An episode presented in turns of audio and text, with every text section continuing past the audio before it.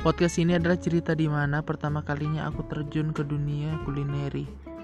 Dan di mana yang di tempat section yang aku nggak suka dan di situlah aku ditempatkan. Dan sampai sekarang aku kerja di section yang sama. Tempat yang sama kegiatan yang sama dengan perhitungan yang sama. Selama menikmati akan ada beberapa season akan nanti ya. Oke. okay.